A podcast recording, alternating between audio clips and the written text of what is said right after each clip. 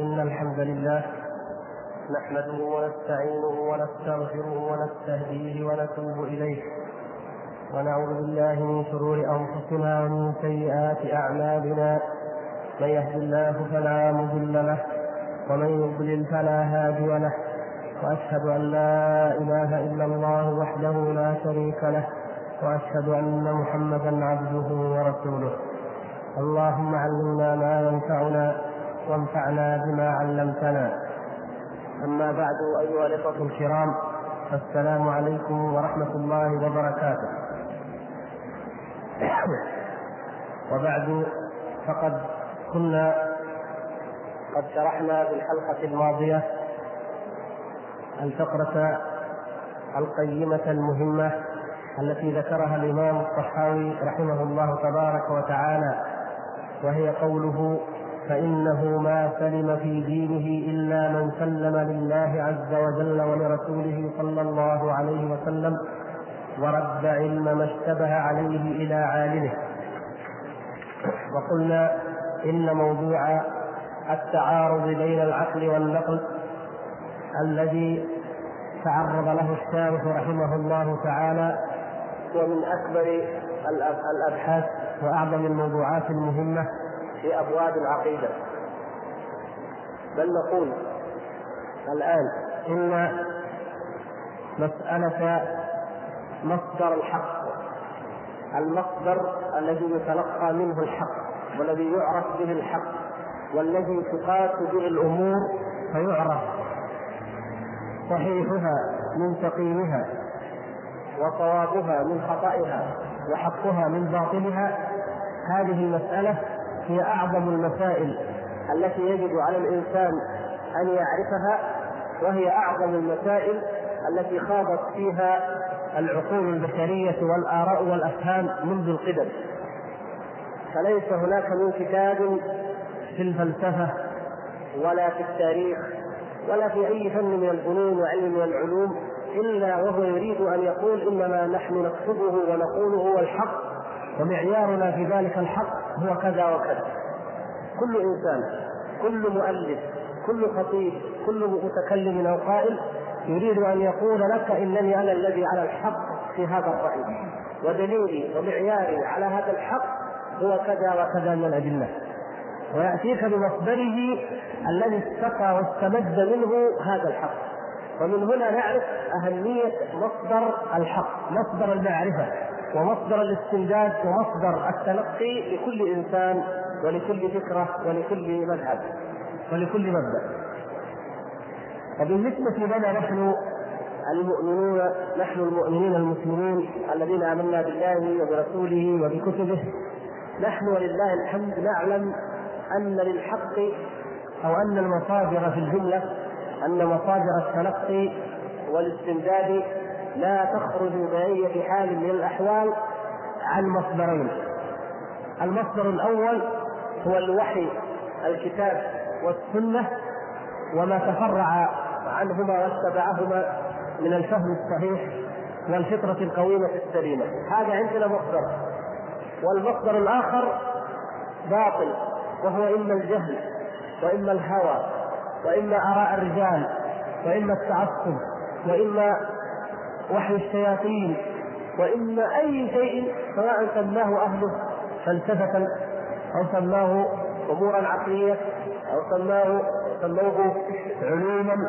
أيا كان الاسم فعندنا المصدران اثنان فقط ولا تعدد فيهما وليس شيئا غير ذلك إلا أن يختلط الأمر لدى بعض الناس بعض الناس يختلط لديه الأمر فيخلط الحق بالباطل وإلا فهما اثنان.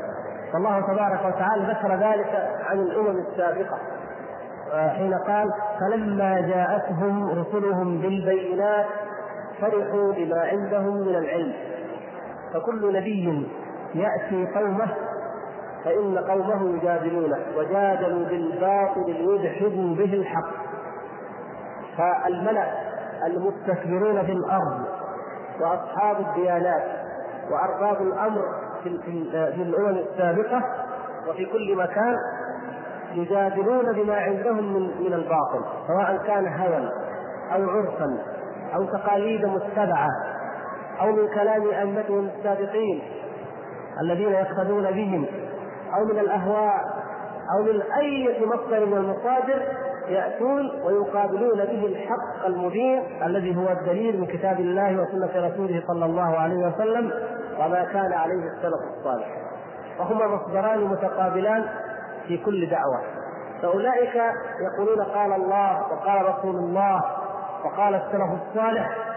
فيأتي الآخرون ويقولون عاداتنا تقاليدنا آداؤنا سوقنا أئمتنا طريقتنا علماؤنا أحبارنا رهباننا إلى غير ذلك. وكما تقول الحضارة الغربية اليوم يقولون إن فلسفتنا إن العلم البشري إن التجارب إن الأمور إن الأنظمة البشرية مثلا إن علوم الاجتماع علوم النفس كذا كذا يأتون بمصادر متعددة ويقولون هذه تقول غير ما تقولون أنتم في الكتاب أو في السنة أو في الوحي. الديمقراطية مثلا تقول كذا الاشتراكية تقول كذا. إلى آخر الأفكار التي قدست وعظمت وهي في الحقيقة أصنام. هي أصنام ولكنها ليست أصناما منحوتة كتلك التي نحتها قوم إبراهيم عليه السلام فنتفها وكسرها وحطمها ولكنها أصنام من المبادئ ومن الأفكار ومن الشعارات المضللة.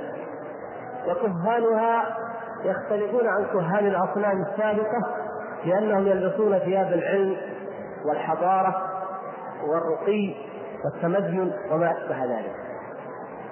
فهذان المصدران منذ أن أمر الله تبارك وتعالى الملائكة بالسجود ورفض إبليس ذلك وعصى وقال أنا خير منه خلقتني من نار وخلقته من طين إلى أن يرث الله الأرض ومن عليها. فهم يقابلون الوحي والأمر الشرعي بالأدلة العقلية وبالأقيسة وبالآراء المخالفة لها كما قال إمامهم في ذلك أمر صريح من الله عز وجل اسجدوا لآدم أمر لا يحتمل اللبس امتنع يمتنع ابليس لماذا تمتنع؟ ما منعك أن لا تسجد إذ أمرتك؟ قال أنا خير منك كيف؟ ما الدليل على الخيرية؟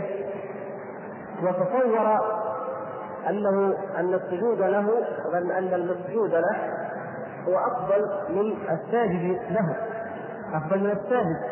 فإذا قال هذه الخيرية هو خير مني لماذا؟ ألم يكن فينا حينا؟ هل أتى على الإنسان حين من الدهر؟ لم يكن شيئا مذكورا. لكن الله عز وجل نفخ فيه من روحه فأصبح شيئا مهما عظيما حرمه الله تعالى على مخلوقاته. لكن إبليس لا رجع إلى القياس فقال أنا خير منه خلقتني من نار وخلقته من طين. رجع للإيش؟ للعناصر الأساسية. يقول إبليس لو رجعنا لو حللنا قضية الإنسان وقضية الشيطان ورجعنا للعناصر الأساسية التي يتكون منها كل منهما نجد حسب القياس الإبليسي الشيطاني أن النار عنصر أفضل من عنصر التراب. إذا لا يمكن فإذا أنا محق حينما أرفض أمر الله وأعترض على أمر الله. ثم أخذت الأمم طريق إبليس. كل من كذب رسل الله تبارك وتعالى قالوا ما جاء به الأنبياء معارض للعقول أو للحقائق أو للعلم وهم يسمونه علما. فرحوا بما عندهم من العلم. ولا غضاضة في أن يسمى علما ولكن هل هو علم يهدي إلى الله؟ هل هو علم؟ يهدي إلى الحق؟ السحر علم ولكنه كفر. يتعلمون منهما ما يفرقون به بين المرء وزوجه ولا يعلمان من أحد حتى يقولا إنما نحن فتنة فلا تكفر. فيتعلمون منهما ما يفرقون به بين المرء وزوجه. هو علم لكنه كفر وضلال. بشهادة من يعلم؟ بشهادة الأستاذين اللذين أو هما أول من علم الناس ذلك. فهذه المعارضة معارضة قديمة وهي التي أشار إليها الشارح رحمه الله تبارك وتعالى هنا. وقد سبق أن قلنا إن الذين أنكروا صفات الله سبحانه وتعالى واولوا دين الله وحرفوا كتاب الله إنما اعتمدوا في ذلك على ماذا؟ على ما يسمونه الاقل والآراء. كما قد سبق قبل عدة حلقات عندما ذكر الشارح رحمه الله تعالى أنه يقول وهذا يعني التأويل والتحريف وهذا الذي أفسد الدنيا والدين وهكذا فعلت اليهود والنصارى في نصوص التوراة والإنجيل وحذرنا الله أن نفعل مثلهم وأبى المبطلون إلا سلوك سبيلهم وكم جنى التأويل الفاسد على الدين وأهله من جناية فهل قتل عثمان رضي الله عنه إلا بالتأويل الفاسد؟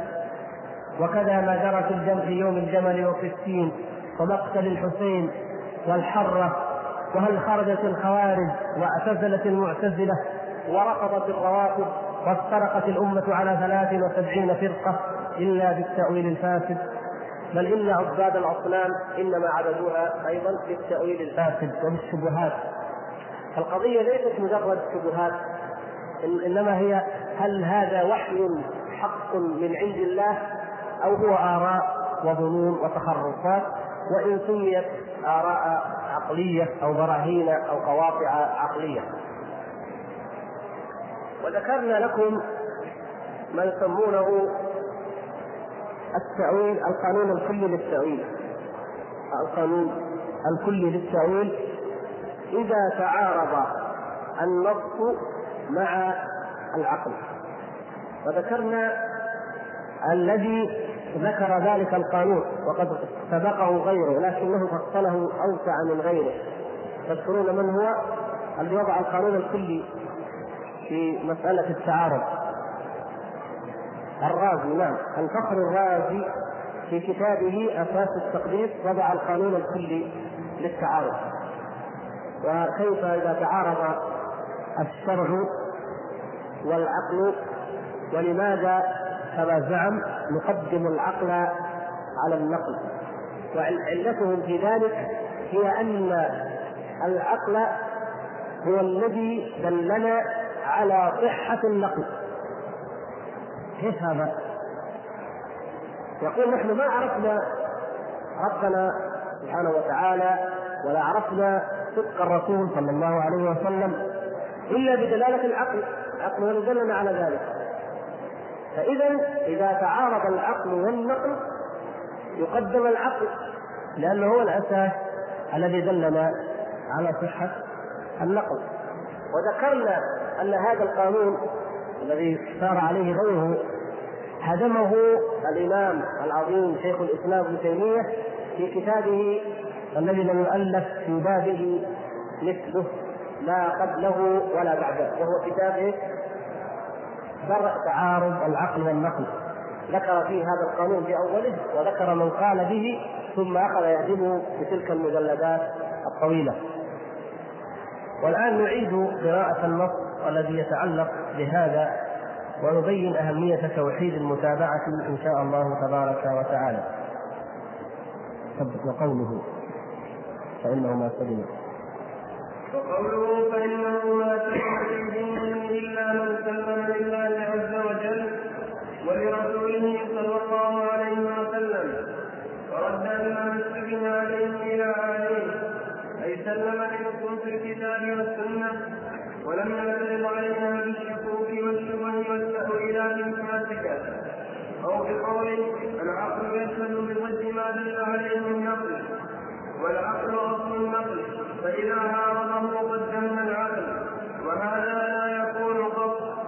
لكن إذا جاء ما يؤمن مثل ذلك فإن كان النقل صحيحا فذلك الذي يدعي أنه معقول إنما هو مجهول يدعى أفضل. فذلك الذي يدعى فذلك الذي يدعى أنه معقول إنما هو مجهول ولو حقق النظر لظهر ذلك وإن كان النقل غير صحيح فلا يصلح للمعارضة فلا يتصور ان يتعارض عقل صحيح ونقل صحيح ابدا ويعارض كلام من يقول ذلك بنظيره فيقال اذا تعارض العقل والنقل وجب تقديم النقل لأن الجمع بين المدلولين جمع بين فإن العقل ممتنع لأن العقل قد دل على صحة السمع ووجوب قبول ما أخبر به الرسول صلى الله عليه وسلم. اللهم فلو أبطلنا النقل لكنا قد أبطلنا دلالة العقل ولو أبطلنا دلالة العقل لم يصلح أن يكون معارضا للنقل لأن ما ليس بدليل لا يصلح لمعارضة شيء من الأشياء تقديم العقل موجبا عدم تقديمه فلا يجوز تقديمه وهذا بين واضح. فإن العقل هو الذي دل على صدق السمع وصحته وأن خبره صالح لمخبره. فإن جاز أن تكون الدلالة باطلة ببطلان النقل لزم أن لا يكون العقل دليلا صحيحا. الإخوان الذين عندهم طبعة شيخ سعيد لزم أن لا يكون النقل مكتوب عندكم صح؟ فيعدل لزم أن لا يكون العقل. عندكم العقل. وإذا يكن دليلا صحيحا لم يجد أن يتبع بحال. فضلا عن أن يقدم. فصار تقدير العقل على النقل قدحا في العقل. واحسنت نقص هنا. هذه القضية الأصل الذي يجب أن نعلمه ويعلمه كل مسلم والقاعدة في هذا هو أنه لا يمكن بأية حال من الأحوال أن يتعارض دليل نقلي صحيح ودليل عقلي صريح. لا يمكن بأية حال من الأحوال أبدا. فإذا ما رأينا أن شيئا من ذلك قد وقع فلا بد أن ننظر. فإما أن يكون الدليل الذي ظنناه عقليا غير صحيح. وإما أن يكون الدليل الذي هو نقلي غير صحيح. ومن سبب بسبب الجهل بهذه القاعدة وقع كثير من الاضطراب والاختلاف في هذه الأمة قديما. مثلا أتى قوم من رواة الحديث. المنتسبين إلى علم الحديث والسنة. فرووا في باب صفات الله سبحانه وتعالى. وغيره رووا أحاديث مكتوبة باطلة عن ضعفاء ومجاهيل ووضاعين وأمثال ذلك. أحاديث إما موضوعة وإما واهية. رووها وذكروها. وهذا بلا شك خطأ. لا يجوز بأية حال من الأحوال أن يستشهد بالحديث الضعيف فضلا عن الواهيات والموضوعات في أبواب العقيدة. فما بالك يعني إذا كان في في في أخص الأمور في صفات الله سبحانه وتعالى التي هي من أمور الغيب. بل لا يجوز ذلك كما تعلمون في الفروع في الأحكام فضلا عن الأصول. لكن وقع من بعض المنتسبين إلى الحديث والسنة أنهم ذكروا هذه الأحاديث ورووها. فجاء الذين في قلوبهم مرض من أهل الكلام والفلسفة والمنطق وأمثال ذلك وقالوا النصوص الوحي كله لا به في هذا الباب ولا نأخذ العقيدة بحال من الأحوال إذا عارت القواطع العقلية والبراهين النظرية التي ذكرها العلماء الثقات في المنطق والفلسفة وسار عليها الناس في هذا المجال. لماذا؟ لما قرأوا هذه الموضوعات. فقالوا إذا تعارض عندنا هذه الأحاديث تعارضت مع ما عندنا من قواطع ومقررات عقلية. إذا نرد النقل ونرد السنة ولا نأخذ بالأحاديث. وهذا من جهلهم لأن هذه الأحاديث غير صحيحة. أحاديث كثيرة. بل روايات مكذوبة وكثير منها خاصة ما يتعلق بالصفات كان من أسباب من وضعها الروافضة الأولون الرافضة والصوفية أيضا قدماء الصوفية الذين ذكروا أمورا تتعلق بصفات الله سبحانه وتعالى لا حقيقة لها ولا أصل لها. بعضهم يقول إنه رآه وعانقه وبعضهم يقول انه صافحه وبعضهم يقول من هذا الكلام الذي جعل علماء الكلام والفلسفة يقولون هؤلاء مجسمة ومشبهة؟ وجعلوا كل من يؤمن بشيء من الأدلة يقول جعلوهم جهة واحدة. فكأن هؤلاء الناس هم أهل السنة وهم الذين يتكلمون باسم الإسلام وباسم السنة وهم غير ذلك في الحقيقة. وسبب هذا كما قلنا عدم التمييز بين الصحيح والضعيف والثابت وغير الثابت من المنقول. من الأحاديث. كما يروى من احاديث موضوعة لا أصل لها حتى أن بعض كتب العلم الموثوق قد تذكر شيئا من ذلك. حتى تجد بعض الأحاديث الضعيفة أو الموضوعة في أمثال كتاب آه، أصول اعتقاد أهل السنة والجماعة مثلا للالكائي في كتاب مثلا رد الدارمي على بشر المريسي وغيرها من الكتب موثوقة هي في الجملة لكنها فيها ضعاف وقد يكون فيها أحيانا موضوعات فهم رأوا ذلك فردوا كل ما في هذه الكتب من حق بناء على ماذا؟ على وجود هذه الضعاف الموجودة. قالوا كيف تأخذون من التوحيد لابن خزيمه أو من السنة لعبد الله بن أحمد أو من اللالكائي وغيره وقد روى كذا وكذا من أحاديث لا نحب حتى نحن الآن أن نذكرها لأنها من الباطل الذي لا ينبغي أن يقال. قال أولئك هكذا فإذا عارضوا ماذا؟ هل عارضوا النقل في الحقيقة؟ هل عارضوا الدليل الصحيح في الحقيقة؟ عارضوا شيء مكتوب فما تعارض إذا نقل وعقل أبدا. وفي المقابل جاء آخرون ممن لديهم علم وحب للسنة وللعقيدة الصحيحة. ووجدوا أن بعض ما يقوله أن يقوله المتكلمون كقولهم إنه تعالى لا ينبغي له لا يجوز أن نصفه بالتغير ولا بالحلول ولا بالتركيب ولا بالتجسيم ولا بالتبعيد. بعض هذه الأشياء فقالوا هذه قواعد عقلية صحيحة وسليمة وهذا حق. وأقروا بها. فلما جاءوا ينظرون في بعض الأدلة مثلا قرأوا حديث النزول حديث صحيح. وهم يعلمون أنه صحيح. لكن قالوا هذه براهين عقلية قطعية ثابتة. اذا هذا الحديث لابد أن نؤوله أو أن نخرجه.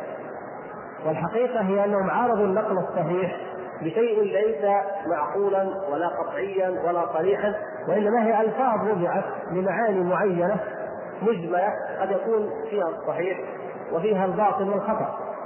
ففي الحقيقة اذا لا يتعارض نقل صحيح ثابت وعقل صريح قطعي الدلالة. ابدا. إنما قد يحصل أو الذي الغالب الذي حصل هو تعارض بين ثابت وغير ثابت. بين صحيح وغير صحيح بين صريح وغير صريح. أما إذا كان الدليلان ظنيان يعني كيف؟ يعني قد يكون من اسباب الخلاف أن يوجد حديث يفهمه بعض الناس على أنه مخالف لما يظنه هو. مثل ما مر معنا في الحلقة الماضية مثلا حديث ستة الأيام حديث التربة. ويقول هذا أنا أفهم أن هذا الحديث يخالف ما عليه النظريات العلمية الجيولوجية في نشأة الكون. مثلا هو فهمه لهذا الحديث هو هذا فهم ظني. ليس هناك قطع بأن الله خلق السماوات والأرض في ستة أيام بالأيام التي نعرفها نحن اليوم. لكن هو هكذا فهم وعارضها بماذا؟ هل عارضها أيضا بشيء ثابت؟ النظريات الأخرى هي يوم ظنية. احتمالات وتخمينات. إذا تعارض ظني بظني. هذا قد يكون أيضا من أسباب وقوع الخلاف. أن يتعارض النيان لكن إذا تعارض النيان فالأمر أهون وأيسر. علينا أن نفكر وأن نمحص فمتى ترجح أحدهما وتحول إلى قطعي أو كان ظنا راجحا أرجح من الآخر؟ عملنا به ولا غضبة لذلك ولا حرج ولله الحمد. فيقول الشيخ رحمه الله من يقول العقل يشهد بضد ما عليه النقل والعقل أصل النقل فإذا عارضنا فإذا عارضه قدمنا العقل يقول هذا لا يكون قط.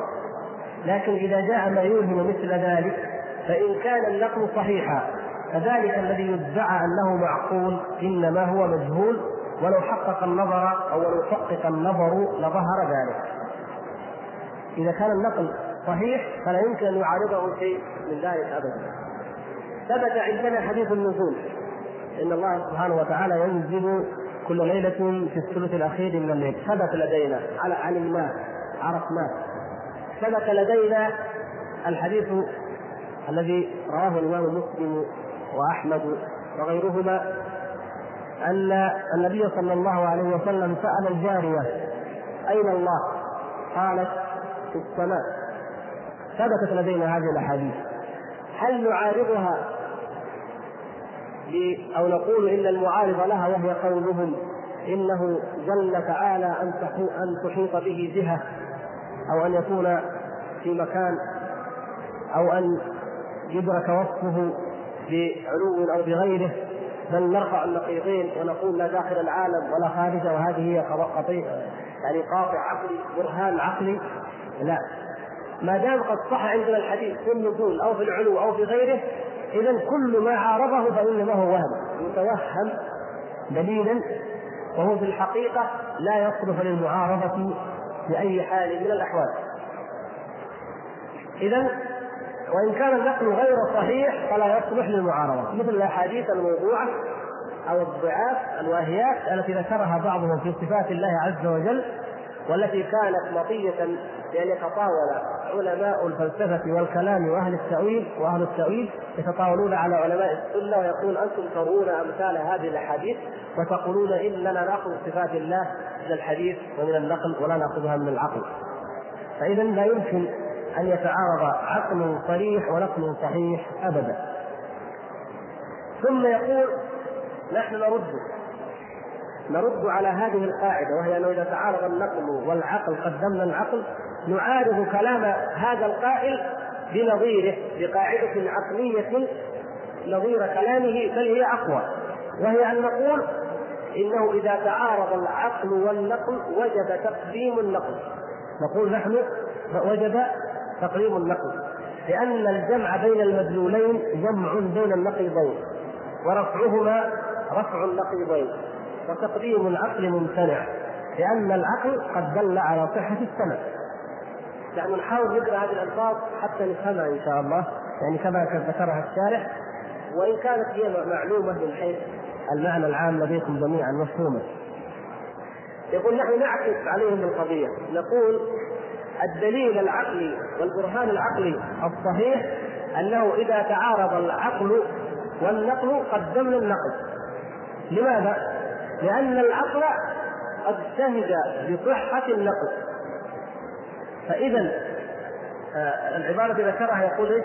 الجمع بين المدلولين بين مدلول هذا النقل الصحيح وبين مدلول المعارض العقلي جمع بين النقيضين ورفع النقيضين محال رفعهما رفع للنقيضين رفع النقيضين محال في العلوم العقلية ما هما النقيضان؟ النقيضان هما اللذان لا يمكن أن يرتفع أحدهما إلا بوجود الآخر بخلاف الضدين الضدين مثل الأسود والأبيض هذان ضدان فإذا قال لك أحد هذا الشيء أسود أم أبيض؟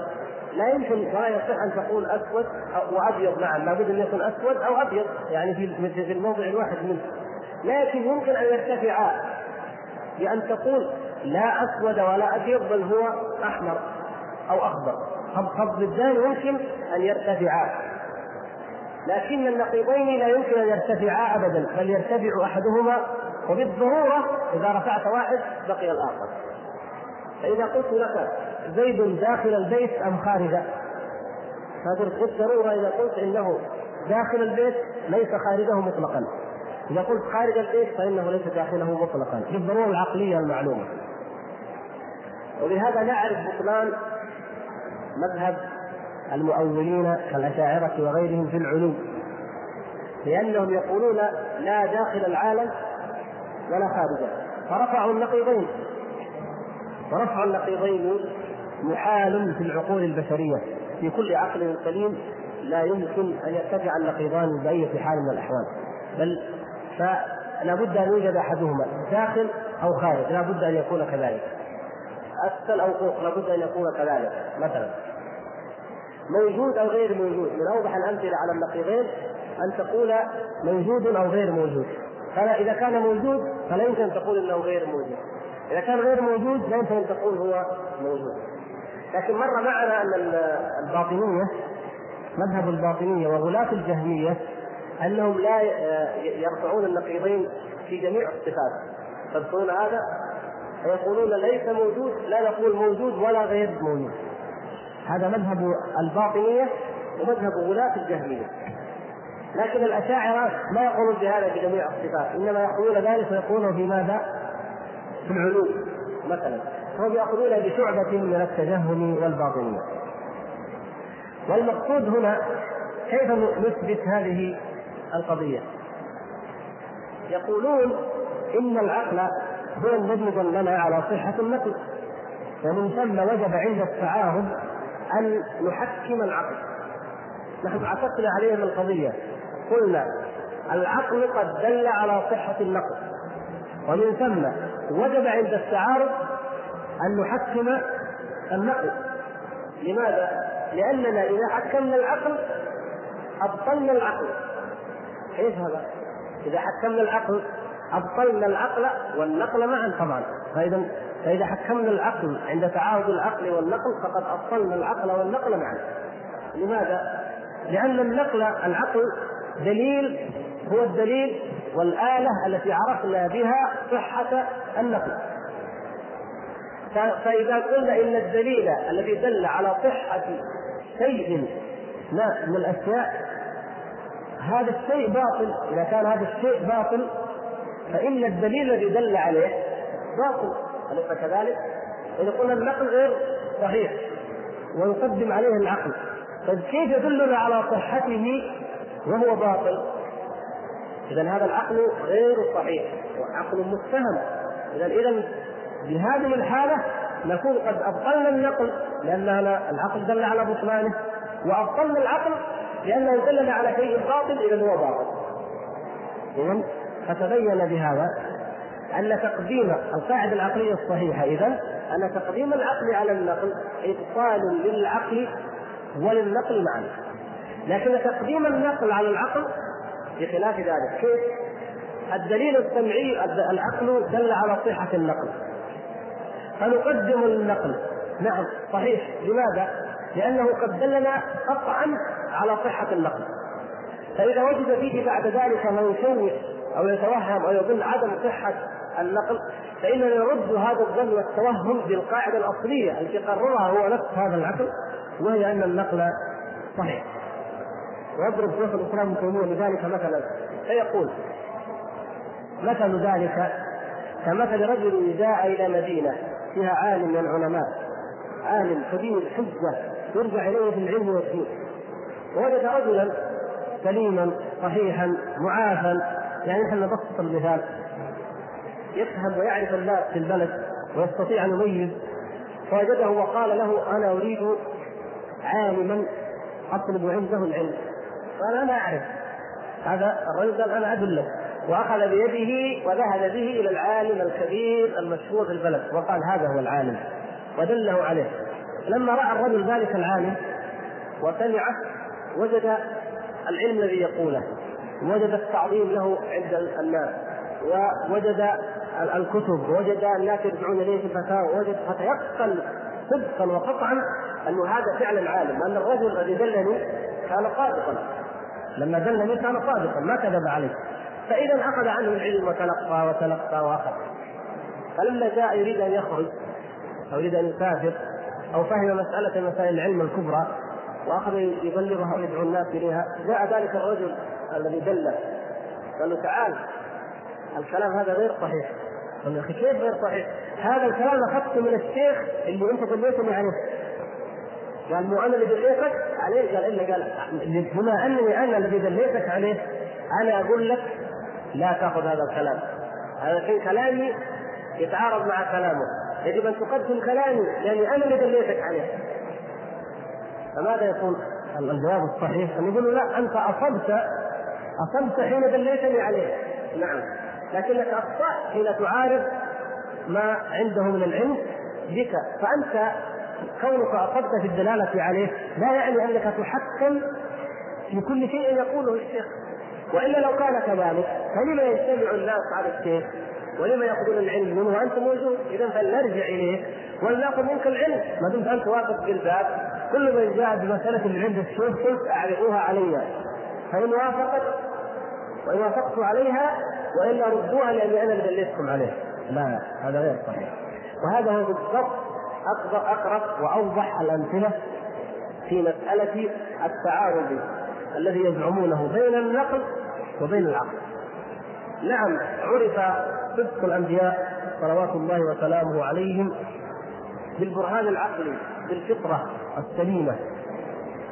كل ذي لب من خلق الله يسمع نبيا أو يراه ويسمع ما عنده من بينات يؤمن بأن هذا النبي صادق وكل من كان لديه عقل سليم من العرب مثلا وسمع آيات من كتاب الله يوقن أن هذا لا يمكن أن يقوله بشر باي حال من الأحوال. اذا بهذه الآلة التي أعطانا الله إياها وهي الفهم والعقل عرفنا صحة النقل وميزنا نعم ميزنا بين محمد صلى الله عليه وسلم رسول الله عبد الله ورسوله محمد صلى الله عليه وسلم وبين مسيلمة الكذاب بين مسيلمة والأسود العنسي ميزنا بين هذا وهذا في هذا الفهم نعم. بهذا الفهم نستطيع بالبداهة بالبداهة. حتى لما قيل للرجل لماذا لماذا تتبعون مسيلمة وتعلمون أنه على الكذب؟ قال كذاب اليمامة خير من صادق مضر. ما هي قضية يعني صدق ولا كذب. نحن نعرف بس هذا من من العنصرية العصبية. نحن هذا من قبيلتنا وذاك من مضر. فهي فقط يعني أهواء. وإنما الحق جلي واضح. وكما قال ذلك أبو جهل وغيره وغيره ممن ذكروا. شهدوا لصحة النبي صلى الله عليه وسلم وصحة الدين الذي جاء به ولكن لأهواء أو لحظوظ الدنيا أو لأمر من الأمور لم يفعلوا اذا هذه الآلة التي أعطانا الله إياها بعد أن اثبتت صحة الدليل النقلي وصحة الوحي والقرآن والسنة بعد ذلك خلاص تسلم فيما بقي. طيب لو جاء أحد وقال لا نحن لا نسلم بالأدلة العقليه النقلية إلا إذا عرضناها على الأدلة العقلية. قلنا معنى ذلك إن ترك الناس معناه أن ترك الناس بلا دين وبلا وحي خير وأنفع لهم في دنياهم وفي أخراهم من أن ينزل عليهم هذا الكتاب. ما دمنا لم نقرأ آية من هذا الكتاب إلا ونعود ونسأل عنها العقل. صحيح يا عقل إنه كذا؟ طيب. وجاء ربك. طيب. صحيح يا عقل إنه يجي لا والله ما يجي طيب. بل يداه مبسوطتان صحيح يا عقل إنه يدين قال العقل لا. طيب. ينزل ربنا. ينزل؟ قال العقل لا. الله في كل آية إذا اذا ما الفائدة؟ نصوص نحفظها ونكتبها ونرويها بالسند ونتعب فيها وكلها عندنا مرجع يبين لنا خطأها من صوابها. اذا لا داعي لها؟ تعال اذا يا عقل واخبرنا عن الله مباشرة وانتهى الأمر ولا داعي للجهاد والاسعاف آه هذا هو لازم هذه المقالة.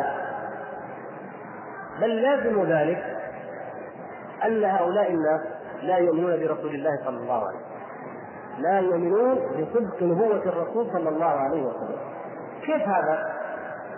لنقترب كما ذكر بعض الأمثلة من ذلك الشيخ هنا وهذا الكلام منقول هو منقول من درء التعارض ومن كلام ابن القيم في آه، مدارج السالكين.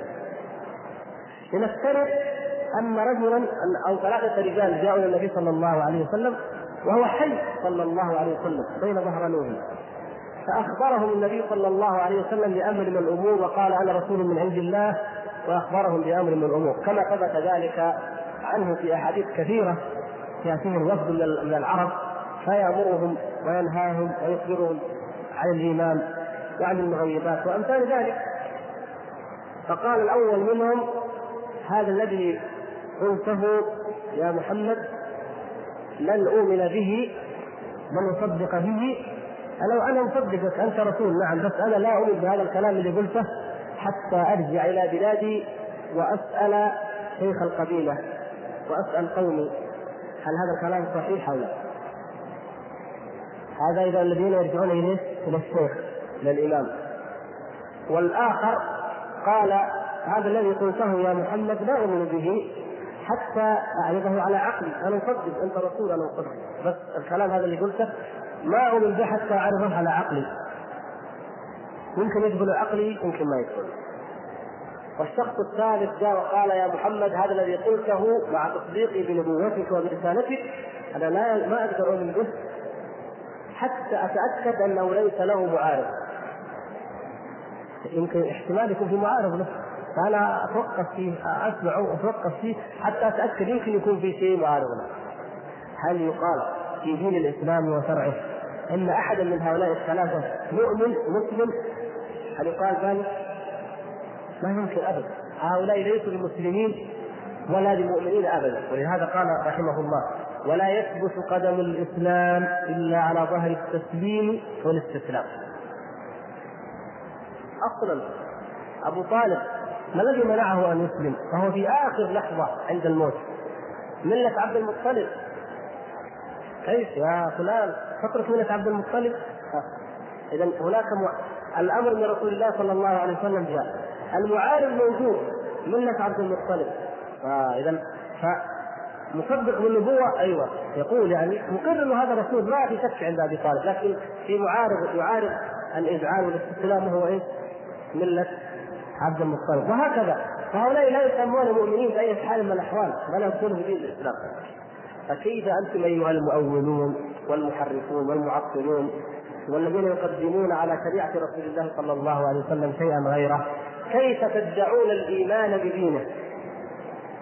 ثم تقولون صح الحديث؟ والله صحيح رواه البخاري. طيب يا أخي تؤمن به؟ قال خلوني أتأكد. إيش قالوا علماء المذهب فيه؟ يا أخي هذا منسوخ لا ما هو منسوخ طيب صحيح؟ نعم صحيح. لا نتأكد إيش قال الإمام. إيش قال شيخ الطريقة؟ قال طيب هذا هو هذا هو مثل حال الرجل الأول الذي يقول والله خليني أتأكد قرات له حديثا صحيحا عن رسول الله صلى الله عليه وسلم. قال بس والله هذا ما هو معقول. خلنا نتاكد يمكن له معارض يعني من العقول أو من كلام البشر أو من علومهم. طيب هذا هو اذا هذا ما امن وان كان يقول نحن نحن مسلمون نحن اذا ما آمنت يا أخي. لو آمنت أنه رسول من عند الله لقبلت ما جاء به. لو تبين لك فيما بعد دليلا شرعيا أقوى هذا شيء آخر. لكن أنت من الآن تفترض أن ما جاء من عند رسول الله صلى الله عليه وسلم قد يكون له معارض. فلا تقبل. والآخر الذي يقول والله أنا ما أقدر بهذا حتى أشوف أفكر فيه؟ اعرضه على عقله طيب إذا أنت إلى الآن لمرحله الشك ما آمنت برسول الله صلى الله عليه وسلم. كثير من النماذج على هذا يا إخوان كثير حتى في عصرنا الحاضر ربما يكون أكثر ولكن بطرق ملتويه ومن ذلك من تعلمون مثلا حديث الذباب. حديث صحيح. طيب ما رأيكم يا من تنكرونه؟ حديث الذباب ان في أحد جناحيه داء وفي الآخر دواء تعلمونه؟ قالوا كيف نغمسه؟ وكيف نعتقد أن في أحد الجناحين داء والآخر دواء؟ هذا الحديث طيب في عندكم ما يطعن في إسناده في متنه؟ لا ابدا. حديث ما نفسه ما هم علماء حديث لكن قالوا نشوف إيش تقول؟ معامل الكيمياء معامل الأحياء. طيب هذا هو اذا أوقفنا الكلام أوقفنا الإيمان والعمل بحديث صح عن رسول الله صلى الله عليه وسلم حتى تؤكد لنا الكيمياء. طيب اذا خلاص اذا ما في داعي نكتب نهائيا عندنا الكيمياء نرجع لها ونشوف. خلاص. اذا لما التعب ولما العناء ولما الحفظ ولما النقل ولما السند. لكن لا هذا اذا ليس إسلاما. الإسلام لا يثبت إلا على قدم التسليم والاستسلام. وأكثر الناس تسليما واستسلاما هم أكثر الناس إيمانا وأقواهم إيمانا. ولهذا لما قيل للصديق رضي الله تعالى عنه إن صاحبك يزعم أو زعم البارحة أنه عرج به إلى السماء. شيء عجيب جدا. أنه ذهب إلى بيت المقدس ثم عرج به إلى السماء. قالته قريش لابي بكر رضي الله تعالى عنه. قال إن كان قال ذلك فقد صدق. صادق. ما يمكن حتى لو قلت أنه خبر غريب جدا لا تقبله العقول ابدا. هو قاله صادق. صدق رسول الله صلى الله عليه وسلم. ولا يمكن أن يعارض. حتى في يوم الحديبية لما القلوب لم تكن قد بلغت السكينة منها مبلغها حتى الفاروق عمر رضي الله تعالى عنه واخذ يصيح ويقول ألست رسول الله؟ ألسنا على الحق؟ ألسنا المسلمين؟ أليسوا المشركين؟ فكيف نرضى بالدليل في ديننا؟ فكان أبو بكر الصديق الصديق رضي الله تعالى عنه يقول يا عمر إنه رسول الله والله إنه لرسول الله أليس رسول الله يعلم ما دام رسول الله فإنه على الحق ولا يمكن بأي حال من الأحوال مهما بدا لنا أن المصلحه أو أن العقل يدل على خلاف ما قال أو أمر فنلغي العقل ونلغي هذه المصلحة. هذه هذه هوى ومفسدة وليست عقلا ولا مصلحة. نلغيها مقابل النص ومقابل قوله صلى الله عليه وسلم. وهنا تكون حقيقة الإيمان بالله سبحانه وتعالى.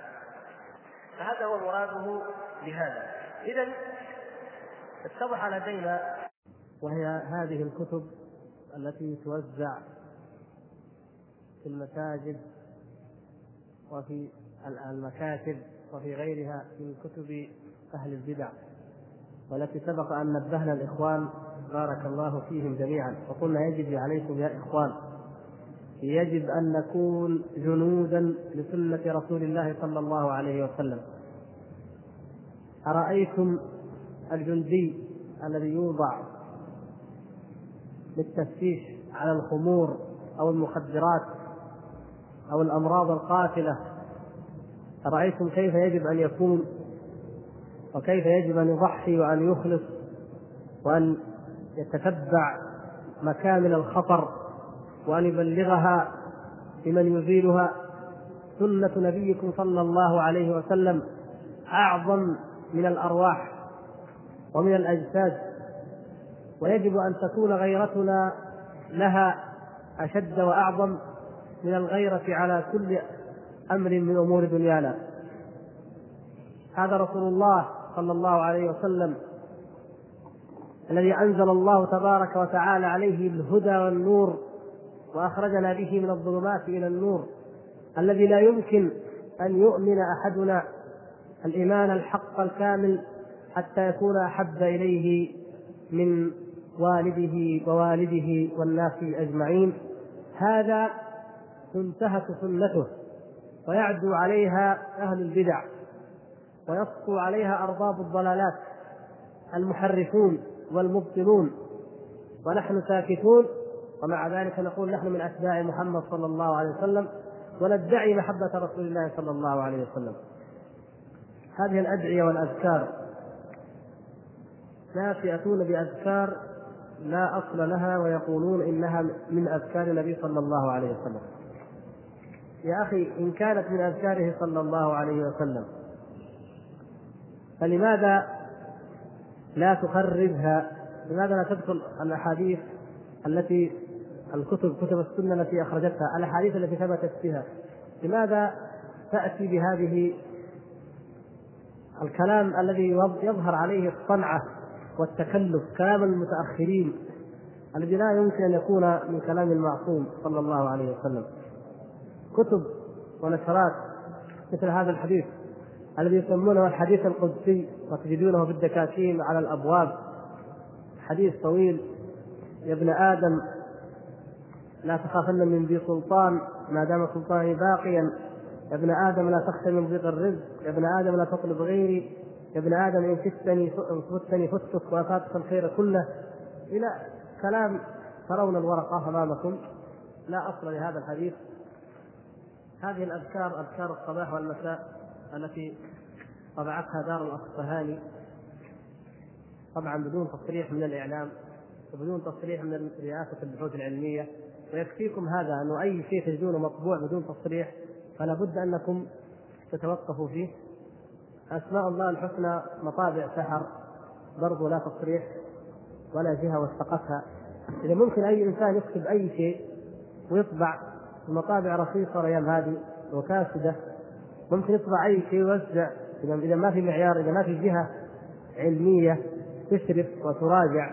هذا مخالف اولا لسنة رسول الله صلى الله عليه وسلم لأن هذا من العلم الذي لا ينفع بل يصد عن السنة وفيه تحريف لها. والآخر وأخيرا أو ثانيا مخالف لنظام المطبوعات. يعني على الأقل إنهم تستحيوا من الله. ومن رسول الله فاستحيوا من خلق الله. هناك جهات رسمية معينة لا يطبع أي شيء حتى تراجعه. وما كان من مثل هذه الأمور أمر شرعي بحت يجب أن يصرح له من الرئاسة العامة لإدارات البحوث العلمية والإفتاء والدعوة والإرشاد. ثم توافق وزارة الإعلام أيضا على الطبع وتتأكد أنه لم يزد فيه ولم ينقص. أما الأمور هكذا فوضى وفوضى على أي شيء؟ الفوضى التجارية لا تقبل يا إخوان. الفوضى التجارية لا تقبل. بل وزاره التجارة تضبط البضاعة وتضبط المورد وتضبط هل هذا الوكيل فعلا وإلا ناس جاءوا ببضاعة مغشوشه وكتبوا عليها اسم الوكيل أو المورد وباعوا بالغش ولهم عقوبات في هذا. فكيف بالله عليكم بديننا؟ ديننا اغلى ام بضاعة الدنيا وتجارة الدنيا؟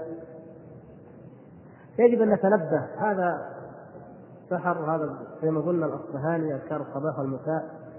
فيها من الخلط وفيها الصحيح والضعيف والموضوع مهما كان المهم لا نتعبد الله بهذا يعني لا يجوز لأحد منكم أو ننبه المسلمين جميعا أنه تأخذ هذا وتقعد تقراه في الصباح تقراه في المساء لا.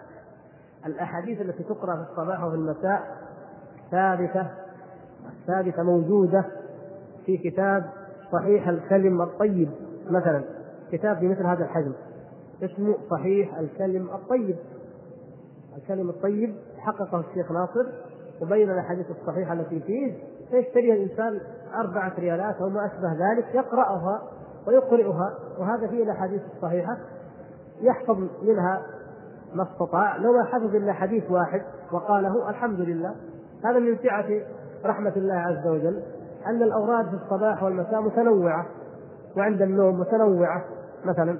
فكل ما وجدنا التنوع علمنا أن هذا من سعة رحمة الله. في واحد يقدر يحفظ الحديث الطويل كله مثلا اللهم أنت رب السماوات والأرض من فيهن ورب نور السماوات لك الحمد انت نور السماوات والأرض ومن فيهن ولك الحمد انت قيوم السماوات والأرض ومن فيهن. حديث طويل صحيح لكن طويل. واحد يقدر يقول مثلا ربنا آتنا في الدنيا حسنة وفي الآخرة حسنة وقنا عذاب النار. اللهم قنا عذابك ثم تحصل عبادك. خلاص مثلا يعني أحاديث الله سبحانه وتعالى يسرها فيه تحت تجد الصح كلها صحيحة. في على قد الذي يريد أن يجتهد ويحفظ وفي على قد الذي لا يستطيع إلا أن يقول رضيت بالله ربا وبالاسلام دينا ومحمد صلى الله عليه وسلم رسولا مثلا. وهذا من أفضل وأجل الأحاديث. وهو بمثابه الشهادتين كأنك قلت الشهادتين. ومن أفضل الأذكار وجزاؤه عظيم. وكل مسلم ممكن أن يحفظه ويقول في الصباح وفي المساء. لأن كل مسلم مؤمن به رضيت بالله ربا وبالإسلام دينا ومحمد رسولا. لكن تأخذ الحزب الأعظم أعوذ بالله. كم يأخذ نفسك هذا؟ ولهذا الصوفية أضاعوا الأمة الإسلامية. أضاعوا حضارتها. ما هو بس ضيعوا دينها. ديننا أغلى لكن حتى دنيانا ضيعوها الصوفية. لأنه يجيك كتاب زي هذا. يقعد يقرأ هذا. ونغم وردد واحدة سبع مرات. واحدة عشرة واحدة كذا. فين هذا؟ فين الإنسان الذي يشغل سيارته ويقول بسم الله وتوكلت على الله ورضيت بالله ربا ويدعو بما تيسر له ويعمل. ينفق على عياله وينتج لمنفعة المسلمين. وفين هذا اللي قاعد؟ ساعتين أو ثلاث أو أكثر ويردد هذه النغمات وهذه الأكاذيب والأباطيل التي لا ليس له فيها أجر بل هو رد. من عمل عملا ليس عليه أمرنا فهو رد مردود على صاحبه. ما له أجر. وفي نفس الوقت عطلته عن دنياه. الذي يبيع في بقالته أو في مطعمه أو في أي مكان خير وأفضل من هذا لأن ذاك عمل أدى فريضة الله صلى الفجر وذكر الله بالأذكار الصحيحة ثم ذهب إلى عمله. هذا أفضل عند الله وأنفع لأمة الإسلام من هذا المخذول الذي لا أجر في الآخرة ولا عمل في الدنيا. هذه لا هي سنه رسول رسولنا صلى الله عليه وسلم. يجب أن ننتبه يا إخوان إذا ضيعنا ديننا إذا ضيعنا سنة نبينا صلى الله عليه وسلم فوالله تضيع أيضا دنيانا. نخسر الدين والدنيا معا. ويكون الذل ويكون النكال. جاءنا الصليبيون وجاءنا التتار وجاءنا الاستعمار الحديث كل هذا جاءنا والأضرحة يزورها الآلاف. والموالد يقيمها المئات أو الآلاف للأولياء أو حتى للرسول صلى الله عليه وسلم. كلها بدعة. والطرق تسيطر على المسلمين. ماذا أغنت؟ والله كانت السبب. وكانت مما أدى إلى نكبتنا وإلى ذلنا وإلى خزينا الذي نعوذ بالله من الخزي في الحياة الدنيا. ولكن سنة النبي صلى الله عليه وسلم فيها الخير وفيها النور وفيها الهداية في الدنيا وفي الآخرة. فيها حياة القلب في الإيمان بالله عز وجل. فيها تزكية النفس لأن النفس لا تزكى إلا بالشيء المزكى الطاهر الصحيح. لا بالضعاف والموضوعات والمكذوبات والأباطيل. وفيها قوام الجسد وقوام الحياة التي لا يمكن أن تستقيم إلا على أمر الله. والحياة الطيبة لا تكون إلا لمن آمن بالله وتمسك بسنة رسول الله صلى الله عليه وسلم. أما هؤلاء انظروا كم جاء من صلوات على النبي صلى الله عليه وسلم. كم؟ خاتمة في ألفاظ الصلوات الصلاة على خاتم النبيين عليه الصلاة والسلام. وأفضلها وأفضلها ما ورد عقيد التشهد. طيب ما هو أفضلها؟ هو هذا اللي صح اللي علم النبي صلى الله عليه وسلم أصحابه؟ هو هذا الصحيح وغيره بدعة. التي جعلها فقط هي الأفضل. ويجيب أشياء. اللهم جاحد مدحوات وبارئ المسموكات وجبار القلوب على فطرتها شقتها شقيها وسعيدها اجعل شرائف صلواتك ونوامي بركاتك ورأس تحنناتك على سيدنا محمد صلى الله عليه وسلم عبدك ورسولك الخاتم لما سبق والفاتح لما أغلق والمعلن للحق بالحق الدامغ لجيشات الأباطيل كما حمل فاطلع بأمرك لطاعتك مستوفزا في مرضاتك بغير نكل عن قدم ولا وهن في عزم واعيا حافظا لعهدك وماضيا على نفاذ امرك حتى أورى قبسا لقابس آلاء الله تصل بأهله أسبابه ما الكلام هذا؟ معنى الكلام هذا؟ في أي كتاب أم بأي سنة؟ حتى لو كانت معاني صحيحة فرضا بعض المعاني أنها حق في النبي صلى الله عليه وسلم من تعبدنا بها؟ في الصباح والمساء ونحفظها ونكررها لماذا؟ من الذي يشرع ما نتعبد ونتقرب إلى الله به. هل من أحد غير رسول الله صلى الله عليه وسلم؟ لا. لو أننا عملنا بالسنة لكفانا والله. والله إننا لنعجز أيها الإخوة الكرام. نحن والله نعجز عن القيام بالسنة.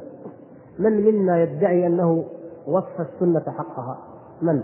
من يستطيع أن يقول أنا أقول جميع الأذكار وجميع الأوراد الصحيحة الثابتة في السنة. من منا والله؟ والله نحن نعجز وأنا أولكم واضعكم ما قمنا بالسنة. فما الذي يلجئنا إلى أن نبتدع البدعة؟ ونحفظها ونطبعها ونوزعها. هذه من الأعمال التي يظنها أصحابها شيئا وهي كما قال الله سبحانه وتعالى والذين كفروا أعمالهم كسراب بقيعة يحسبه الظمآن ماء حتى إذا جاءوا لم يجده شيئا. وقياسا على ذلك أهل البدع. يظنون أن هذه الأعمال قربة إلى الله. ينفقون ويتطوعون ويطبعون ويوزعون ولكن لا قربة فيها ولا أجر لأنها ليست على منهج النبي صلى الله عليه وسلم الصحيح. فهذه أحببنا أن ننبه إليها. وأن نعيد عليكم أيها الأخوة الكرام ما قلناه من أنه يجب أن نكون جنودا للسنة. بأن نمنع توزيعها وأن ننبه من يوزعها وأن نبلغ عن عنه وننصحه حتى لو لم نبلغ جهة مسؤولة. في إمكان أي واحد منا يتصل بهذه دار مثلا السحر أو الأصبهاني مطابع يقول لهم كيف كيف طبعتم هذا؟ عندكم تصريح؟ هذا بدعة. يقول لهم من باب النصيحة تصور لما أنت تنصح وهذا ينصح وهذا ينصح والحمد لله ما نقول إن شاء الله إلا الحق وبالأسلوب الطيب وبالكلام الصحيح. لابد يتأثرون. يمكن قصدهم خير يعني نحملهم على الخير. قصدهم السنة يمكن قصدهم أجر.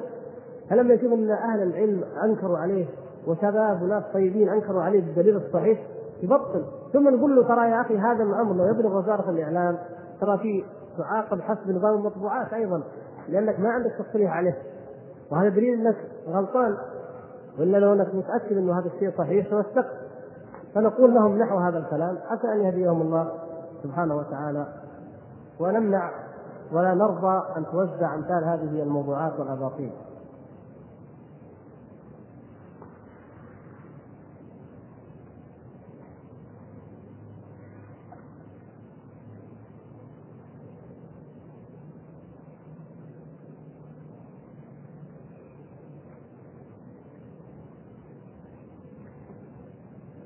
طبعا كان موضوعنا هو مسألة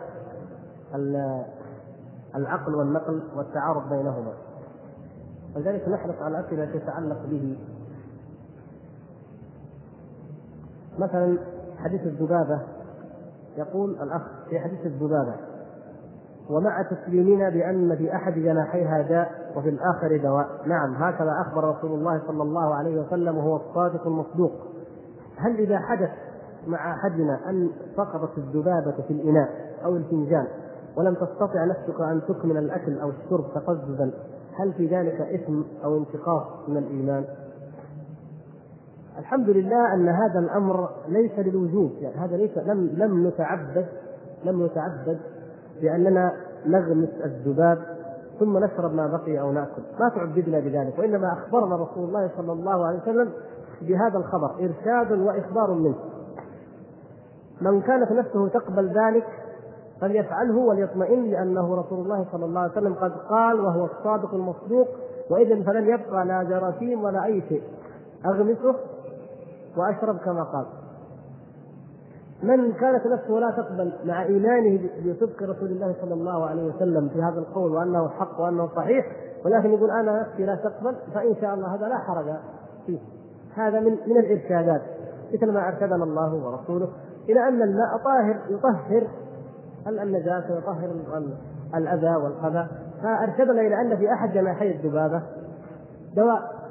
مع أن في الآخر أيضا داء فهذا الذي يظهر في حديث الذبابة أنه للإخبار. هذا أمر غيبي. أخبر به النبي صلى الله عليه وسلم وهو للإرشاد. ولكن بلا شك أن الإنسان إذا فعل هذا الشيء بنية أنه يعود نفسه الالتزام بأمر رسول الله صلى الله عليه وسلم ويعودها تصديق النبي صلى الله عليه وسلم عملا مع تصديقه قلبا فإن هذا إن شاء الله يكون له درجة أفضل.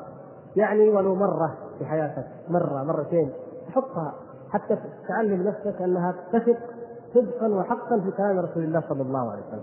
لكن الحديث لا يقتضي الوجوب إنه يجب عليك أن تغمس. لا أخبرك وأرشدك إلى هذا. إن كان ما عندك ما غيره تشرب انت مطمئن ما في أي شيء. إن كان فقير الإنسان مطمئن ما في شيء. إن كان عندك سعه من الأمر ففيه ما هو أفضل منه ولا تقبله نفسك فلا حرج مع يقينك بصدقه صلى الله عليه وسلم فيما اخبر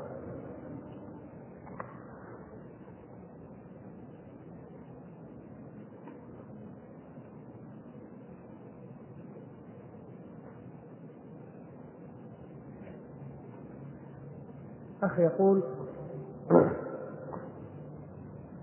قلت إنه لا يوجد فرق بين تكلم الرسول صلى الله عليه وسلم حيا وبين أنه لو سمع يعني أحدنا حديثا عن رسول الله صلى الله عليه وسلم. مع أن هناك فرقا والفرق هو لو أننا سمعنا حديثا عن رسول الله صلى الله عليه وسلم وجب علينا أن نعرف إن كان هناك ناسخ لهذا الحديث. بينما لو أننا سمعنا من في رسول الله صلى الله عليه وسلم علم أن قوله هو الحكم وليس بمنسوخ بل هو ناسخ إذا كان قبله حكم يعاكسه أو يخالفه؟ لأن هذا القول هو المتأخر. الكلام في الثبوت غير الكلام في العمل. يعني نحن نتكلم الآن في الأحاديث. كلامنا كان عن الأحاديث بعد ثبوت الحكم. يعني بعد أن ثبت لك الحديث وثبت لك أنه ناسخ. مثلا أو منسوخ أو كذا أو كذا يعني ثبت لك حكم خلاص. لا تقدم عليه قول أحد. أما أنت في مرحلة البحث لسه تبغى تتأكد؟ هل هذا الحديث فيه ضعف أو هو صحيح؟ ما يعتبر ما تعتبر رديت. أنت الآن لا تعتبر رديت ولا توقفت عن عن قبول كلام النبي صلى الله عليه وسلم. لأنك ما زلت في مرحلة التأكد هل قاله أو ما قاله. إذا كان هذا الحديث يحتمل أو سمعت أو أو ظننت بلغك أن له ناسخا. وأنت تريد تتأكد هل له ناسخ وليس له ناسخ فأنت اذا لم يثبت عندك الحديث بعد. لكن الكلام الذي قلناه ونقوله هو في إيه؟ في الأمر الثابت ولا سيما في الأخبار. لا تنسوا أن كان أن موضوعنا كان في في الأخبار. وصفات الله عز وجل مثلا وأمثالها هي من الأخبار. هي من الأخبار. وليس في الأحكام.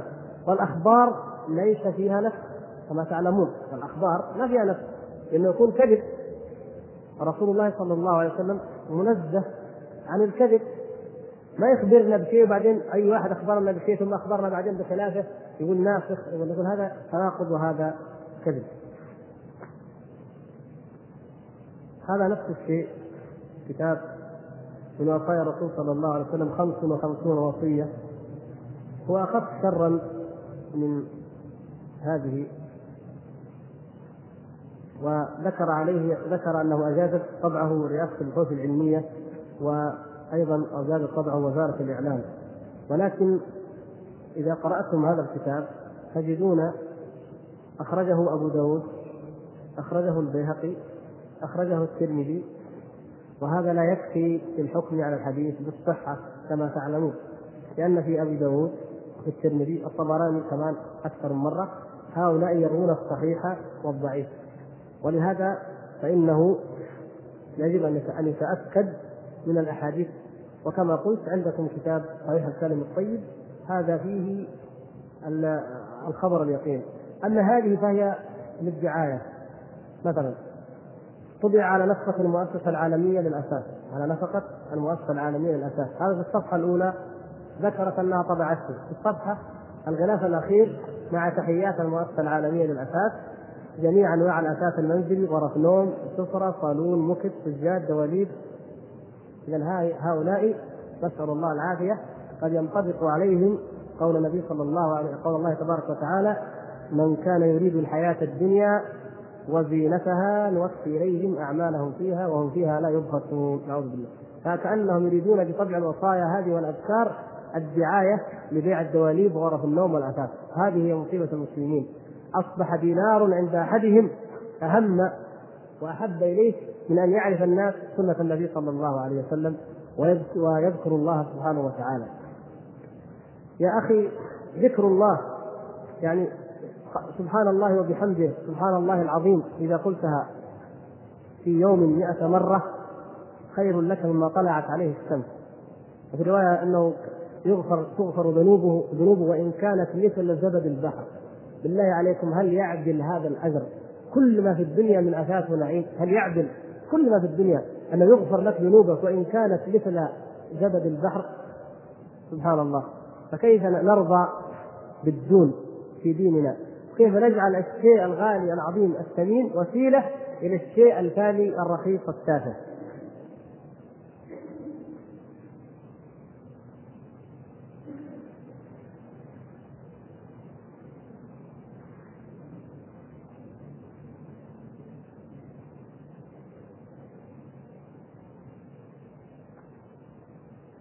هذه مشكلة وقضية ما كنا نريد أن نتعرض لها لكن لأن الموضوع اليوم يتعرض يتعرض قضية تعارض العقل والنقل فهي من الشواهد على القضية التي شرحناها. إنه الأخ يقول إنه الأرض العلم الحديث يقول لا تدور وهو سمع ناس يقولون ما تدور وكذا. هذه القضية لا ينبغي لنا أن نشغل أنفسنا بها. أصلا يعني لا يهم المسلم في دينه بدينه إلا ما يسأله الله سبحانه وتعالى عنه ويقربه اليه أما في دنياك إذا كنت طالب علوم فيمكن ان تبحث الموضوع هذا لترى فيه مثلا أو في أي موضوع من موضوعات العلوم أو الأحياء أو الفيزياء. لكن نحن نتكلم ومقامنا هذا ومجلسنا هذا فيما يقرب الإنسان من الله تبارك وتعالى. لا لا يحاسب الله أحد يوم القيامة أو في قدره إنه قال تدور ولا ما تدور. تاكدوا من هذا تماما. وهذا يكفينا.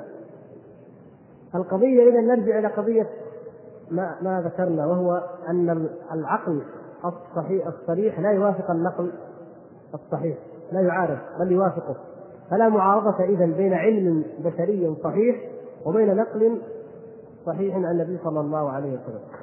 لكن إذا كان ظنيين أحد أو أحدهما ظني معلوم مقدم القطعي إذا كان ظنيين هنا تأتي المشكلة أو هنا يكون الأمر فيه سعه وفيه فسحه يعني تكون مسألة بحث ونظر لكنها تخرج عن نطاق أنه يكفر بها أو يبدع أو يضلل فظنيين يتعارضان. مثلا العلم هذا يقول إنها تدور. الحمد لله. إذا ثبت هذا فهذا من دلالة على حكمة الله سبحانه وتعالى وعلى إتقان صنع الله صنع الله الذي أتقن كل شيء صنعه سبحانه وتعالى. ولا تعارض أي حديث لا يوجد لدينا آية ولا حديث قطعية في أن الأرض لا تدور. أبدا لا يوجد. وإن كان العلم تناقض أو اختلف كما هو الحال الآن بعضهم بعض العلماء أنفسهم يخالفون في بعض الأمور التي قرأنا نحن أنها بديهية في كتبنا أو في مناهجنا لكن هم مختلفين. نتركهم في خلافهم. ويمكن ما يتفق إلى يوم القيامة. ما يضرنا هذا في شيء ما يضرنا ابدا. ما دام ما عندنا نحن نص قطعي نرجع للكتاب والسنة. هل النصوص الموجودة فيها التي تدل على هذا الموضوع ظنية؟ اذا نحن الاجتهاد سائر. يمكن أنا أفهم غير ما تفهم أنت ولا حرج. إذا كانت دلالتها قطعية دلالة قطعية في أي أمر من الأمور؟ لا. اذا نحن نأخذ بالقطع ونخطئ من أخذ بغيره أو نضلله إن كان رد النص وكما يقول الأخ بعضهم يستدل بقوله تعالى قرارا إن الله تعالى قال قرارا وكيف آه يعني نقول لا الأرض الأرض تطلق على معنيين. تطلق على الكوكب هذا الكوكب بكامله بما فيه من جبال وبحار الذي هو الكرة الأرضية الكوكب هذا. يطلق عليه الأرض. وتطلق الأرض على ما يقابل الجبال. الفجاج والقرار والمهاد الأرض هذه إيش؟ هذه ما عدا الجبال. يعني هذه كلمة الأرض هنا لا تدخل فيها البحار ولا تدخل فيها الجبال. فإذا بمعنى ذلك هي السهول الأرض المنبسطة. كونها قرارا لا يعني أنها لا تدور ولا الكلام ظني يعني لا لا يقطع بأنها لا تدور. قرار نعم مستقرة. ذلول مسيره مسخره نهاد نعم واسعة ممتدة. الحياة صالحة فيها فيها فجاج فيها كذا. اذا كل هذه لا تدل على أنها لا تدور بأي حال من الأحوال. إنما تدل على أنها ممهدة ومهيئة للإنسان ليسكن عليها ويستقر فيها. بل بعضهم بعض الذين يقولون من علماء المسلمين نفسهم أنها تدور يقول إنها رغم أنها تدور إلا أنها قرار. وهذا من حكمة الله أن الأوتاد الجبال جعلت لها حتى في عملية الدوران ما تميد ولا تضطرب وإنما تدور وهي ثابتة قرار لأصحابها. كما أن الطيارة تطير بك وهي ثابتة وأنت مستقر وتشرب وتمشي أحيانا كأنك على الأرض ما تدري ولا كأنك ثابت. فيقول رغم أنها تدور إلا أنها قرار وهي نهاد ولا تميل ولا تضطرب وهي جنون. إلى آخر ذلك. فالقضية إذا قضية لا تهمنا في أمر ديننا وقد نبهنا على ذلك أكثر من مرة لكننا ذكرناها اليوم لأنها مثال واضح لما سبق أن شرح في الدرس. قلت في كلامك في معرض كلامك أن الأخذ بظواهر النصوص من أصول الكفر. الرجاء توضيح هذه العبارة. هذه عباره قلتها ناقلا وحاكيا عن أصحاب التأويل وهذه ذكرها صاحب آه، تفسير الجمل شرح تعليق على الجلالين. قال من أصول الكفر الأخذ بظواهر النصوص الكتاب والسنة. عافانا الله وإياكم من ذلك. وقالها أيضا الدسوقي الصاوي الصاوي على الجلالين. نعم. وقالها أيضا الدسوقي في شرح الكبرى أو تعليقاته على شرح العقيدة الكبرى له. قال أصول الكفر ستة وذكر منها الأخذ بظواهر النصوص. نعوذ بالله من الضلالة. فيقولون هذا من أصول الكفر لأنه يؤدي إلى أنك تعتقد أن الله في جهة وأن الله كذا وهذا كفر. هذا في نظرهم. فهذا مما يدل على فساد منهجهم وبطلان دعواهم. وأن هذه النصوص الوحي أنزلها الله تعالى هدى ونورا. وأن الإنسان كما مر معنا في الدرس الماضي إنما يفهم منها ما يتبادر إلى الذهن. يفهم الإنسان ما يتبادر إلى إلى السمع. الرحمن على العرش استوى. ما يتبادر إلى سمعه. أأمنتم من في السماء يتبادر إلى السمع أنه في السماء سبحانه وتعالى أي في العلو. هذا المتبادر إلى الذهن هو الذي يفهم وهو الظاهر. فكيف يكون هذا الظاهر من أصول الكفر؟ عافانا الله وإياكم.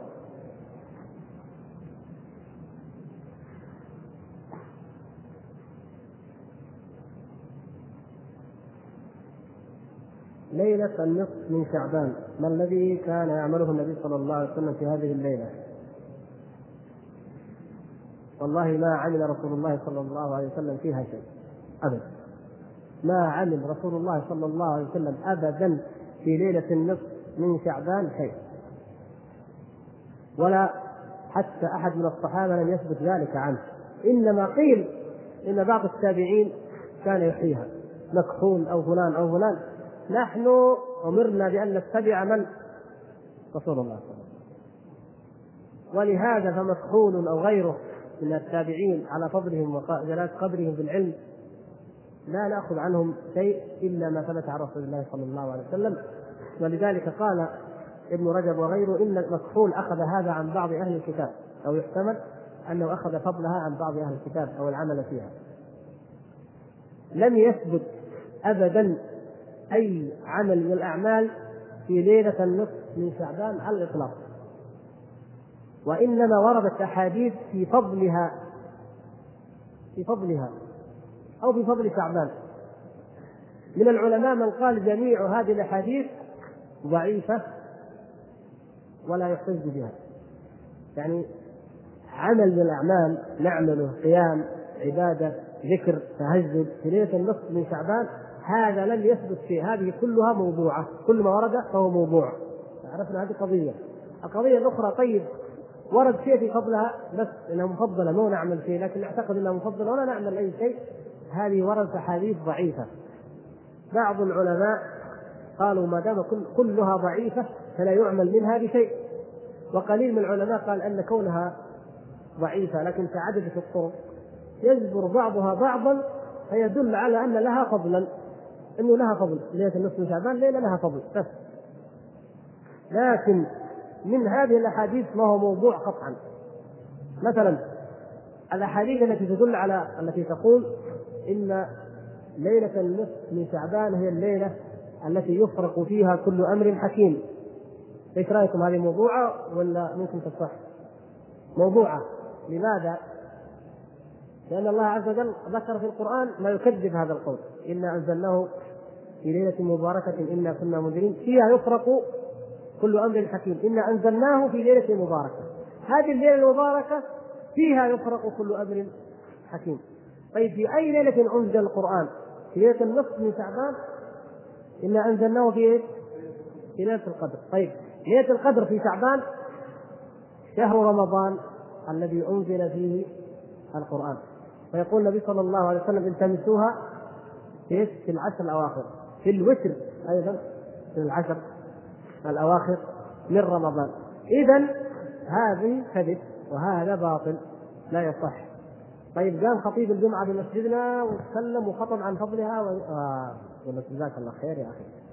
أنت إن شاء الله اجتهدت وقصدك الخير لكن لا يجوز أن نسكت لا يجوز يا إخوان لأنه إذا خطب على ألف أو ألفين من المصلين وقاموا كلهم قالوا نصلي ذيك الليلة صلاة التسابيح ولا صلاة أخرى نقرأ في كل ركعة عشر مرات أو 12 مرة قل هو الله أحد وكذا وكذا. اذا إذا كل الناس فتنة سيفتنون فيجب عليك يجب عليك أن تستأذن الإمام وأن تقوم وتعقب عليه على كلامه بكلام لطيف حسن وتقول إنه لم يصح في فضلها أي شيء. وإن شئتم الدليل على ذلك فهناك رسالة للشيخ عبد العزيز بن باز وفقه الله موجودة صغيرة مطبوعة. وتعطيهم الرسالة. وإن كان ما هي عندك تأخذها من مكتب التوعية. وهي موجودة وتوزع لأنه لن يصح بذلك شيء. في كتاب لطائف المعارف لحافظ بن رجب مطبوع ويوزع أحيانا في رمضان. هذا أيضا ذكر فيه هذا الكلام. أي كتاب فتح الباري أي كتاب عندك توريه وتقنعه بأنه لم يصح أي عمل وأي عبادة في هذه الليلة. وتقول ذلك للمصلين حتى لا يغتروا وإن أمكن أن تقول ذلك قبل قبل أن يخطب إذا كنت تعلم أن هذا الإمام من عادته أن يخطب تنصحه قبل ذلك وتبين له الأدلة. وتقول ترى إذا إذا قلت غير ذلك فلا يحرم علي السكوت. لأن الساكت عن الحق شيطان أخرس ترى رايح أقوم ورايح أقول هذا الكلام. ولا ينبغي لنا أن نجعل بيوت الله مكان للجدال.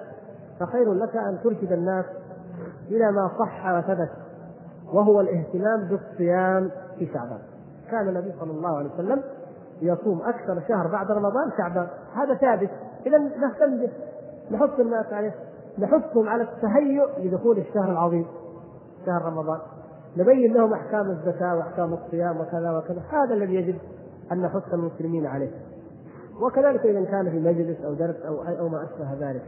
فلا يجوز أن يقر المسلمون على بدعة يتعبدون ويتعبون أنفسهم في أمر غير مقبول. يحرم علينا أن نقرهم على ذلك. وهذا من جملتها. الحديث الذي يعني قد يصح وكما ذكر ذلك الشيخ ناصر الدين الألباني حفظه الله هو حديث إن الله سبحانه وتعالى ينزل أو يتجلى في ليلة القدر في ليلة النصف من شعبان فيغفر لكل مسلم أو كل مؤمن أو لكل أحد ما خلا الشرك والشحناء أصحاب الشرك والشحناء أو المشرك والمشاحن. إلا لمشرك أو مشاحن طيب هذا لو صح يعني على على على قول من يصححه نقول هذا فيه دليل على أنه الشرك هذا طول السنة وطول الأيام لا يجوز. عندنا الأدلة عليه طول العام. والشحناء أيضا حرام في كل وقت فلا يجوز أن نشاحن. فإن كان هذا حق وأن الله تعالى يغفر في تلك الليلة إلا للمشرك والمشاحن فنجتنب الشرك والشحناء طول العام وفي تلك وفي ذلك اليوم. وإن كان وإن لم يصح فلا حرج. نحن تجنبنا أمرين نهى الله عنهما وثبت لدينا النهي عنهما. هذا هو وهذا كل ما في الأمر.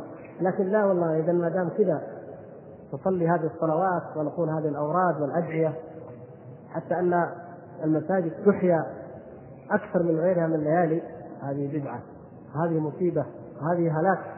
لأن الاستمراء استمراء البدع يولد حبها وينقص من السنة بقدر ما يقام من البدعة كما ورد ذلك في حديث غبيث بن الحارث في المسند.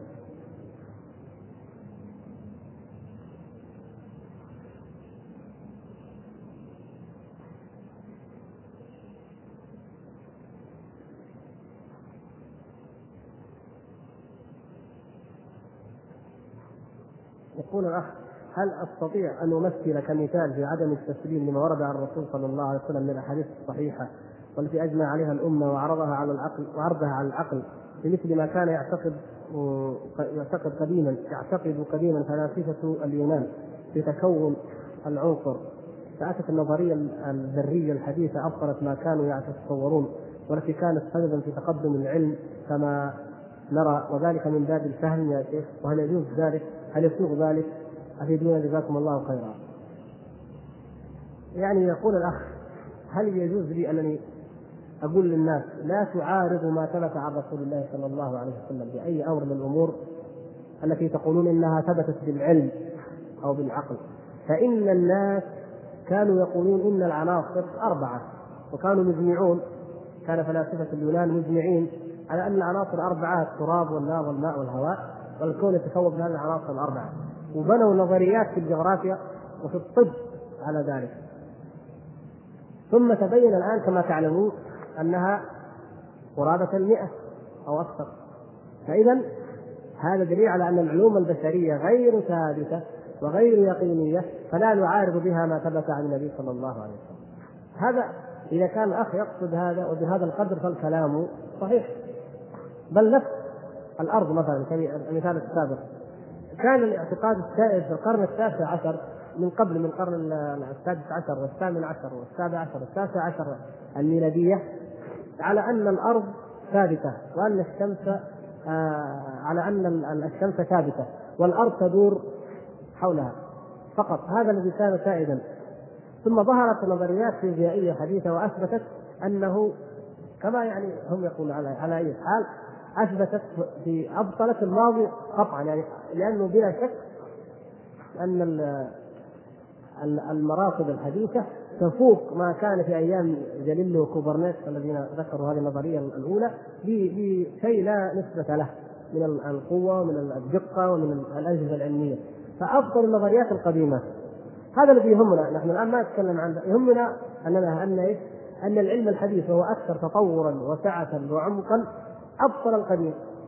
اذا لو أن أحدا وهذا حصل تجدون هذا في في الكتب التي كتبت زي كتاب التفسير تفسير الجواهر طنطاوي جوهري مثلا.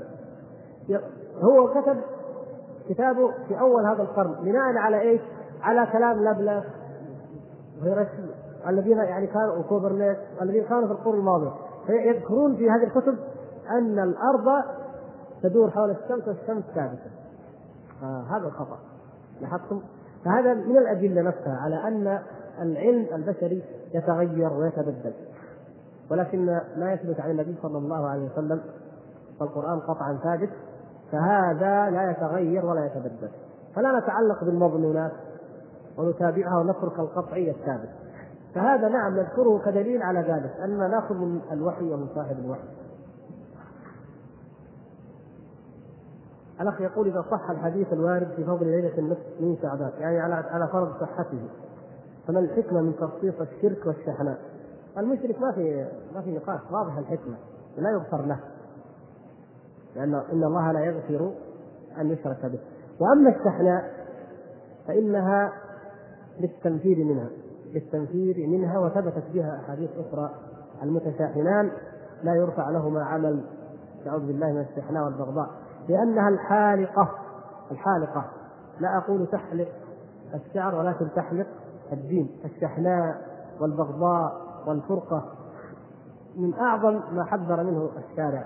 ومن ذلك قطيعة الأرحام. وكل شيء فيه فرقة أو بغضاء أو شحناء. هذا يعني الظاهر والله تعالى أعلم.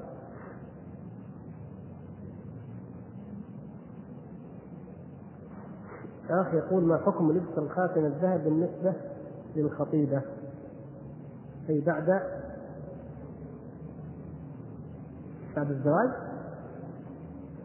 على كل حال يعني النساء يلبسن الذهب. خطيبة أو أو يعني غير مخطوبة عقد عليها أو ما عقد زوجة أو غير زوجة. ما هو فرق أن أن البنت ما تلبس الذهب إلا إذا تزوجت. إن كان هذا هو مراد الأخ بس هذا جبناها لأنكم أحيانا تحشرونها في موضوعات فقهية. يقول الأخ آه، بدأت الصحوة الإسلامية تأخذ طريقها إلى الأمام بخطى حثيثة وإن الأعداء يتربصون في مثل هذه الجولة المباركة للقضاء عليها من الخلف. فما العمل بالمحافظة إن شاء الله على هذه الصحوة؟ هذا كلام طيب جزاه الله خير الأخ على هذا الشعور الطيب. الصحوة الموجودة وهي عودة الشباب إلى الدين. ما نقول الشباب إحنا نخطئ. الحقيقة أن العودة إلى الدين ولله الحمد بدأت حتى عند الكبار وإن كانت أوضح شيء بالشباب لكن حتى بعض الكبار في الخمسين أو الستين بدأوا يرجعون إلى الله سبحانه وتعالى في هذه البلاد وغيرها. كثير ممن أسرف على نفسه في المعاصي بدأ في هذه الأيام يحس بضرورة العودة إلى الدين. وهذا من فضل الله تبارك وتعالى. ثم بفضل الجهود بلا شك لا يجوز أن يغمط أهل الفضل فضلهم. بفضل جهود الدعاة جهود العلماء في الأمر بالمعروف والنهي عن المنكر وبيان الحق بالتأليف بالخطابة وببيان الحق. وبفضل جهود الشباب أيضا الذين كانوا في بعض الكليات في بعض الجامعات.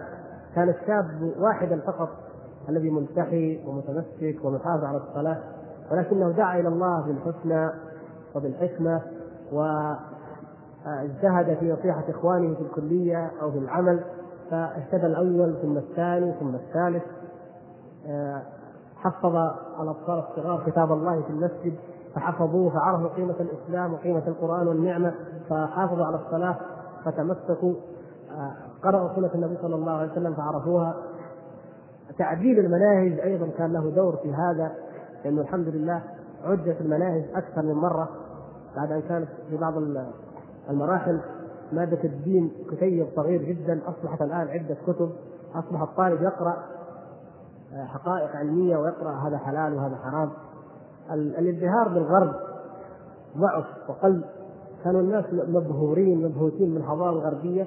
الآن وجدوا ورأوا انحطاطها ورأوا سفولها ورأوا خستها ورأوا ما فيها من الرذيلة ووجدوا أن في دينهم العزة والكرامة والخير ومع ذلك يجمع لهم الحضارة وخير الدنيا والآخرة. عدة عوامل بفضل الله عز وجل أدت إلى وجود هذه الصحوة كيفية المحافظة عليها؟ أهم مسؤول عن بقاء هذه الصحوة هو هذا الشباب المسلم نفسه. لأنه يجب عليه أن يعرف حقيقة الإسلام. ويجب عليه أن يعرف حقيقة الدعوة ومنهج الدعوة الصحيحة. وإلا فإنه قد يعرض الدعوة للهلاك. يجب أن تكون تصرفاتنا موزونة بكتاب الله وسنة رسول الله صلى الله عليه وسلم ومنضبطة بالحكمة وبالمصلحة وبمراعاة المحيط والجو الذي يعيش فيه الإنسان والواقع الذي يدعو إليه. ويجب أن تكون أهم قضية لدينا ليست أن نثبت للناس أننا على الحق وهم على الباطل وأننا على الطاعة وهم على المعصية بل أن نثبت لهم أننا نحب لهم الخير نحب لهم الهداية نحب لهم الطاعة وأن, وأن النور الذي وهبنا إياه الله تبارك وتعالى نحب أنهم يتمتعوا به. كثير من الناس لو علموا ما عليه هذا الشباب من الطمأنينة ومن الإيمان ومن الخير والبركة. لجاءوهم والله لكنهم لا يجدون لا يعلمون ذلك ويجدون من بعض هذا الشباب الغلظة والجفاء في التعامل. ويأتي إليه يقول أنت مخطئ أنت مخالف أنت كذا.